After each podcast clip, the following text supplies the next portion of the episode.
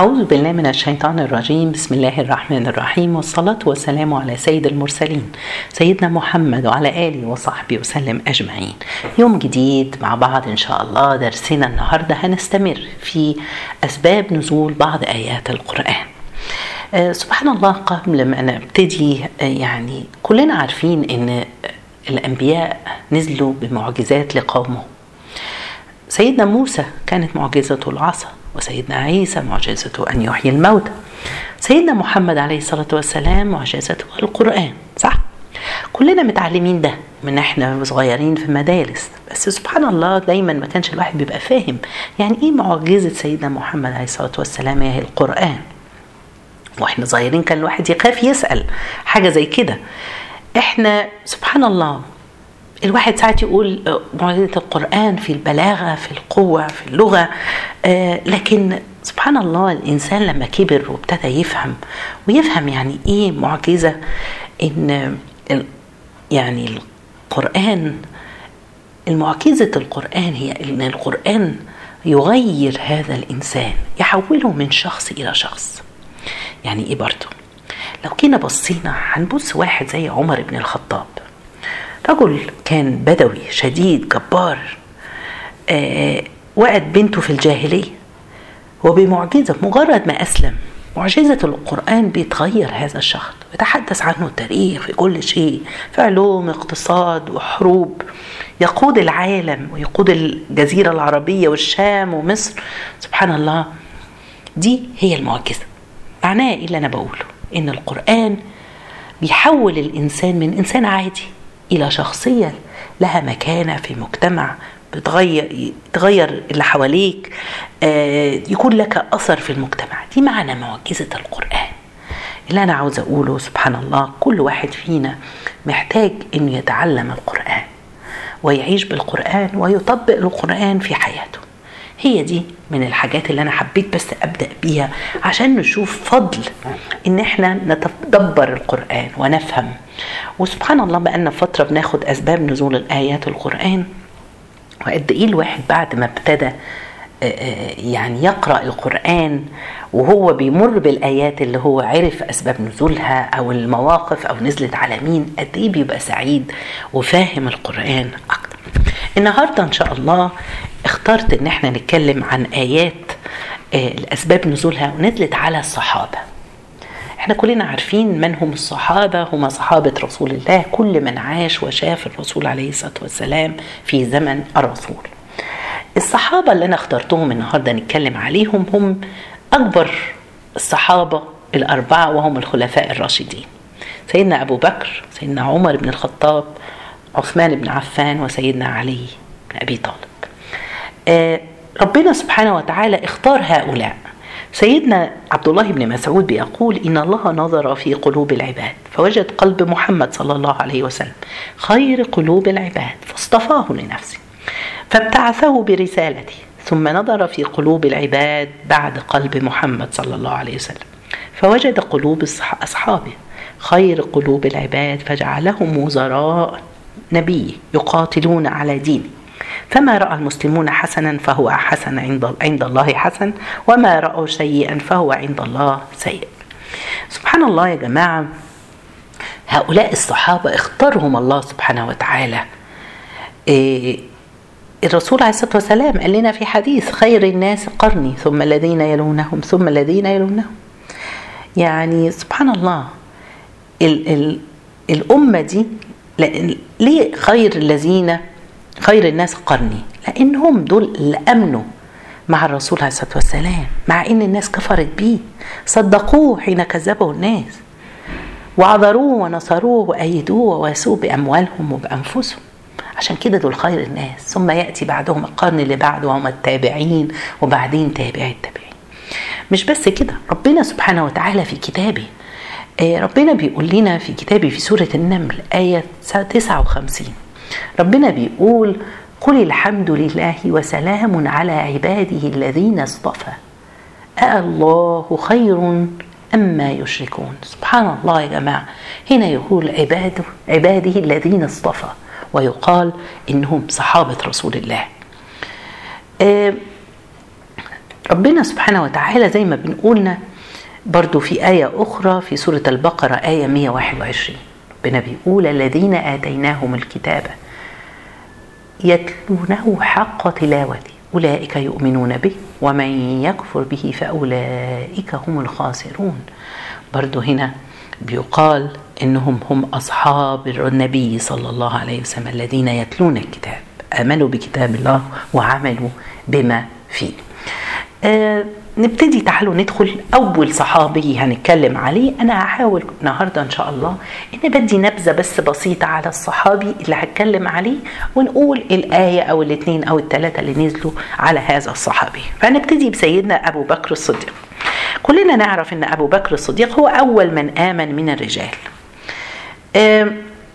سبحان الله يا جماعة كل واحد فينا ما يفكر كده. إحنا كل واحد فينا كم سنة اخدتنا عشان مثلا نتدين؟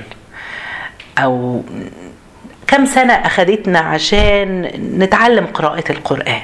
كم سنة أخدتنا عشان نلبس الحجاب؟ سنين. اللي بياخد ست سنين واللي بياخد سبحان الله عشرين سنة. يعني ليه دايما إحنا متأخرين؟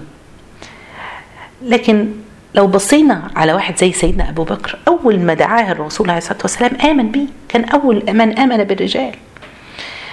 سبحان الله أول ما سيدنا أبو بكر شاف الحق قال أشهد أنك رسول الله. قعد أسبوع يا جماعة سيدنا أبو بكر بيتعلم من النبي ثم أسلم على أو على يده ستة من المبشرين بالجنة. خلال أسبوع بس دعا ناس وتعلم واللي اتعلموا راح وصلوا لغيره. أسلم على يده سعد بن أبي وقاص زبير بن العوام طلحة ابن عبيد الله أبو عبيدة بن جراح عثمان بن عف بن عفان وعثمان بن عوف. كل دولت أسلموا. طب السؤال تاني كل واحد فينا يطرحه على نفسه. تفتكروا العلم اللي عند كل واحد فينا فينا بيسمعني دلوقتي؟ يساوي العلم اللي عند مين أكتر عنده علم؟ سيدنا أبو بكر الصديق بعد أسبوع واحد من إسلامه ولا اللي إحنا كل واحد فينا بيسمعنا دلوقتي عنده؟ أكيد إحنا. عندنا العلم لكن إيه المشكلة؟ إزاي إحنا حتى الدعوة مش عارفين ندعي أولادنا ولا أزواجنا ولا أخواتنا ولا أمهاتنا ولا سبحان الله إيه الفرق؟ الفرق ما بيننا وبينهم إن هو سبحان الله هو حب الدين وتعلق بيه عرف الحق وعايش بيه. إحنا للأسف بنحس إن دايما الدين حمل علينا. آه شايفين إن هو قيود ولكن للأسف هو مش كده. عاوزين نعيش مع الله سبحانه وتعالى. لما نقول إن لا إله إلا الله نعيش بحق كلمة لا إله إلا الله. ليس لي ملجأ إليك إلا الله إلى الله. ليس لي أحد سواك يا الله. لا إله إلا الله تكون في كل شيء وفي كل لحظة في حياتي أنا عايشة بيه ده الفرق. ده الفرق ما بيننا وبين سيدنا أبو بكر أو واحد زي سيدنا أبو بكر. إحنا عارفين إن سيدنا أبو بكر سمي الصديق عارفين ليه سمي بالصديق؟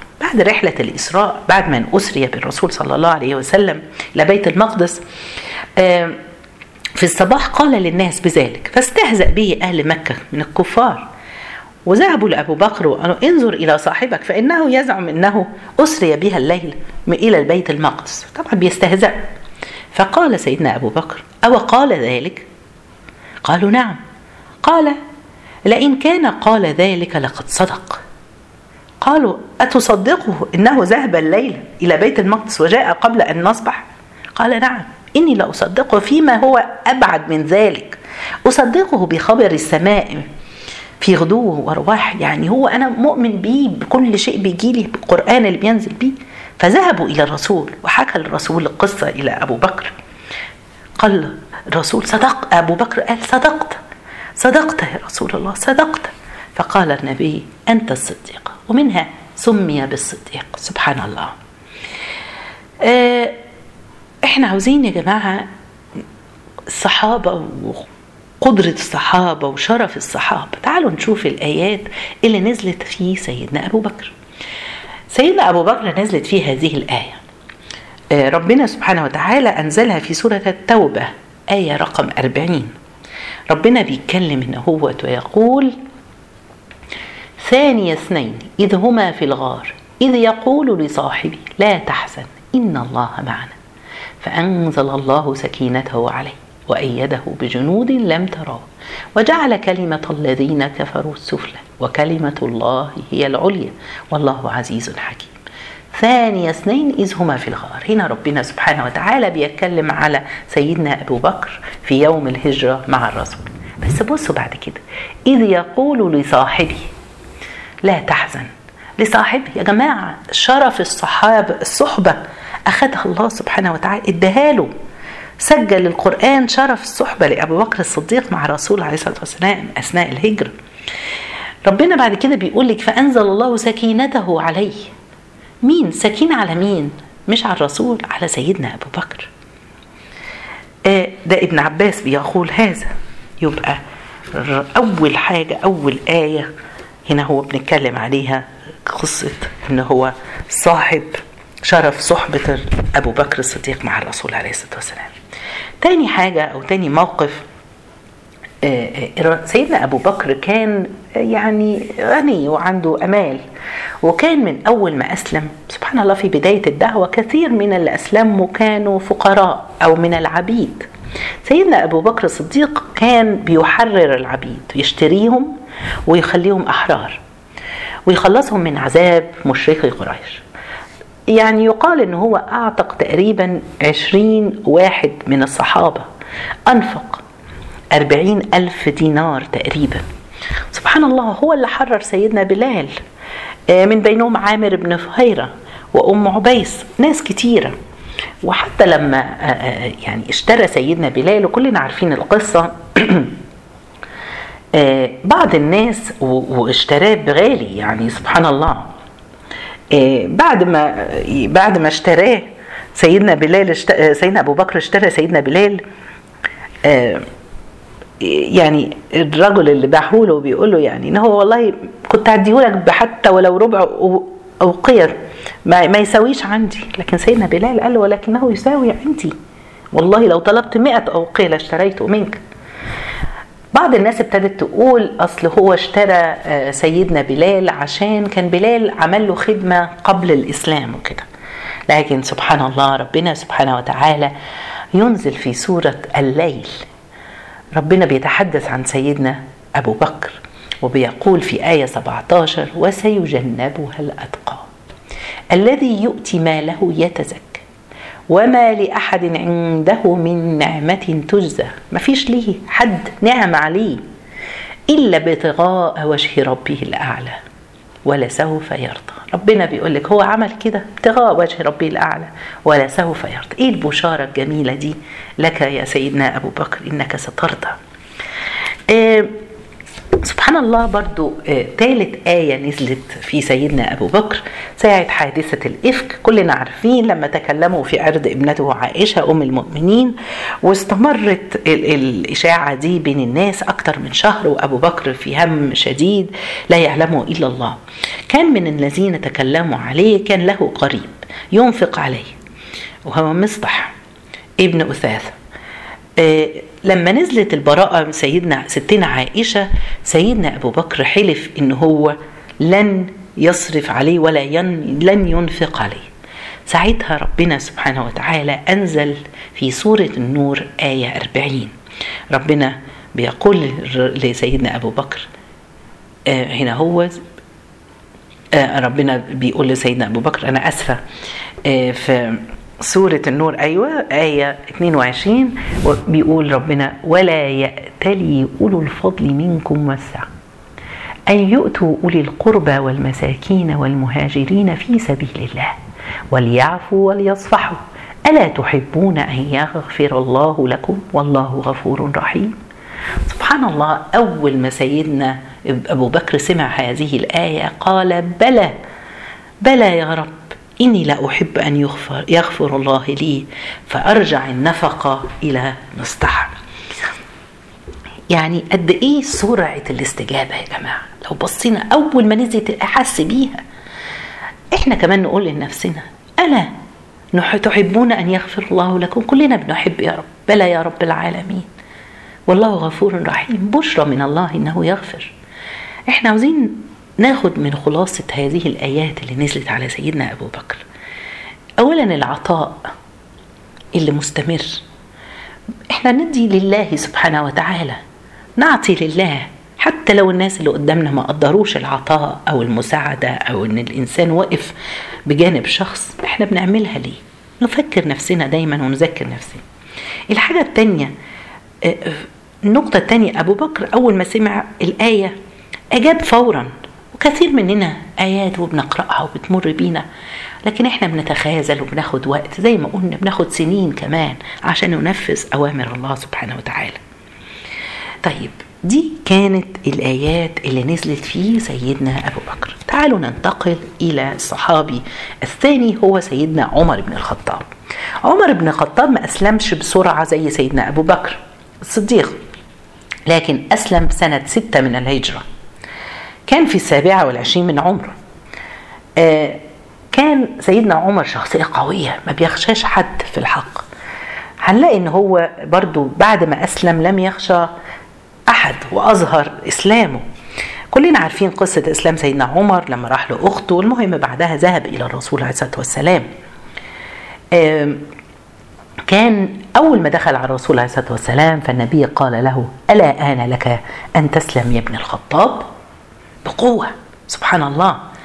فساعتها سيدنا أبو بكر عمر بن الخطاب كان ذاهب للإسلام فأسلم. إن الرسول إحنا عارفين الرسول كان دعا قبل ما يسلم سيدنا أبو بكر ابو عمر بن الخطاب. اللهم أيد الإسلام بابن الحك بالحكم بن هشام أو بعمر بن الخطاب. آه سبحان الله. سيدنا أبو بكر عمر بن الخطاب آه أول ما أسلم يعني جهر بإسلامه وما كانش خايف.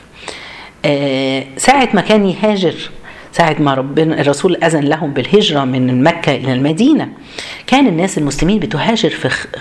يعني بالليل من غير يخ... كانوا بيخفوا هجرتهم لكن لما هو أراد الهجرة ذهب إلى الكعبة وطاف سبع مرات ثم صلى وبعدها قام أشهر سيفه وقال من أراد أن يسقل أمه أو يتم يتم ولده أو ترمل زوجته فليلقني وراء هذا الوادي. سبحان الله هو بقوته. كان سيدنا ابن مسعود يقول ما زلنا أعز منذ أسلم عمر بن الخطاب.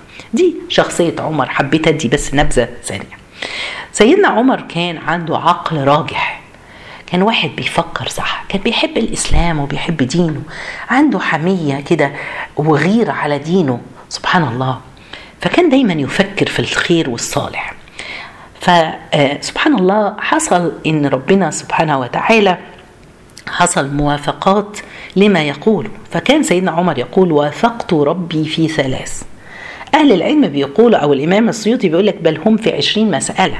يعني إيه في ثلاث؟ كان يقول حاجة للرسول عليه الصلاة والسلام أو يقترح اقتراح أو يقول مقولة لحد.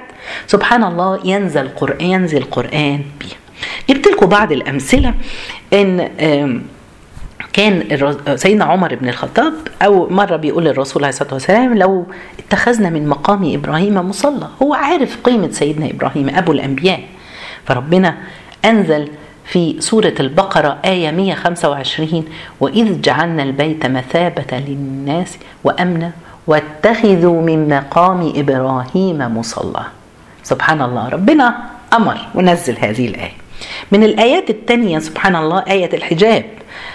سيدنا عمر قال للرسول عليه الصلاة والسلام بعد ما كان في يعني ابتدى يدخل ناس أفواج بتيجي للرسول تسمع على على الإسلام وناس بتيجي وبتدخل. فكان سيدنا أبو بكر زي عمر بن الخطاب بقول لكم عنده غيرة كده على الحميه فقال للرسول لو أمرت نساءك أن يحتجبن فإنه يكلمهن البر والفاجر.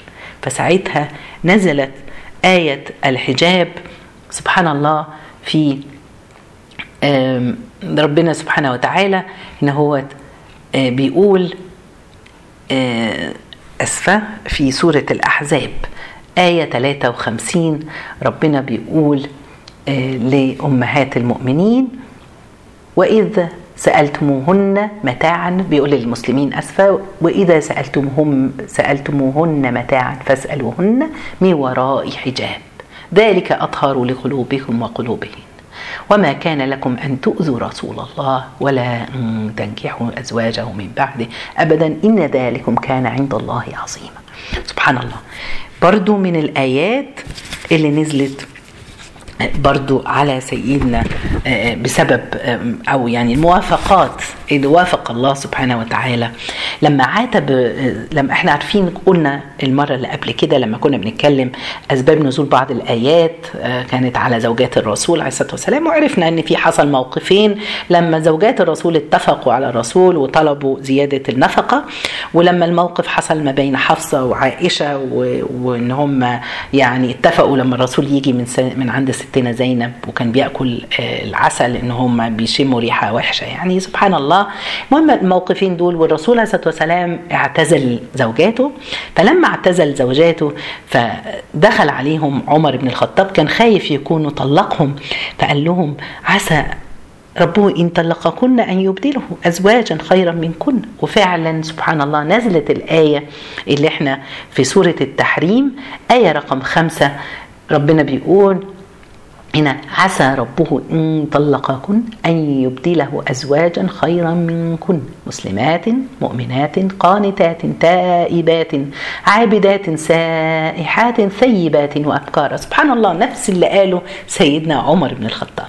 دي كلها سيدنا عمر مش نبي لكن سبحان الله زي ما بقول لكم هو عنده رجاحة عقل. واحد بيحب الدين وبيحب الإسلام. إيه برضو من الآيات كان سيدنا عمر دايما يقول إيه شايف إن الخمر ده شيء يعني في في حاجة. مش عارف يعني فكان دايما سيدنا عمر بن الخطاب يقول أرنا في الخمر بيانا شافيا يا الله. ربنا سبحانه وتعالى أنزل إحنا كلنا عارفين إن ربنا ما حرمش الخمر مرة واحدة في الإسلام في القرآن لأن كان الناس معتادة ومتربيين على الخمر وبيشربوها على طول. ربنا نزلها في مراحل. فكان سيدنا عمر دايما حاسس إن الخمر ده مش نافع. فكان بيقول اللهم أرنا في الخمر بيانا شافيا يا الله. فأنزل الله تعالى في سورة البقرة آية في سورة البقرة آية 219 سبحان الله. ربنا بيقول يسألونك عن الخمر والميسر عن الخمر والميسر قل فيهما إثم كبير ومنافع للناس وإثمهما أكبر من نفعه ربنا بيقول هنا هو الخمر فيهم اسم كبير ومنافع ليهم حاجة كويسة ومنافع وحاجات وحشة لكن اسمهما أكبر. فتاني لسه. سيدنا أبو بكر عمر عمر بن الخطاب لسه محتاج أكتر. فكل شوية أرنا في الخمر بيانا شافيا بعد كده ربنا سبحانه وتعالى أنزل في سورة النساء آية 43 ربنا بيقول هنا هو آه يا أيها الذين آمنوا لا تقربوا الصلاة وأنتم سكارى حتى تعلموا ما تقولون ولا جنب. إلا عابري سبيل حتى تغتسلوا سبحان الله. فبيقول لك ان ما تقربوش الصلاة. فساعتها ابتدى المسلمين يقللوا من الشرب عشان طول النهار لغاية بيصلوا الصلوات الخمس. كانوا وقفوا لغاية العشاء وبعد العشاء كان بيشربوا. يبقى تدريج في منع هذا الأمر. برضو ما كانش كفاية لسيدنا عمر بن الخطاب فكان برضو أرنا في الخمر بيانا شافيا لغاية ما نزلت آية خير آية حرمت الخمر وهي سورة المائدة آية رقم 90 يا أيها الذين آمنوا إنما الخمر والميسر والأنصاب والأزلام رجس من عمل الشيطان فاجتنبوه لعلكم تفلحون. خلاص ده فاروق الأمة سبحان الله. هذا هو سيدنا عمر بن الخطاب يعني هنشوف قد إيه أو سمعنا كان يعني عنده رجاحة العقل وهذه القوة كانت فيه. إن شاء الله في الحلقة القادمة هنكمل سيدنا عثمان بن عفان وسيدنا علي ونعلق على الأربعة هؤلاء من الأئمة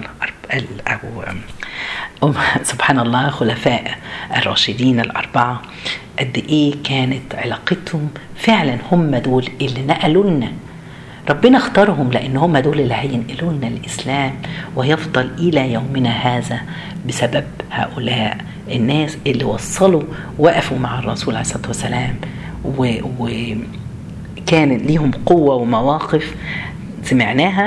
إن شاء الله موعدنا المرة الجاية نكمل مع بقية الأئمة جزاكم الله خير. سبحانك اللهم بحمدك أشهد أن لا إله إلا أنت. أستغفرك وأتوب إليك.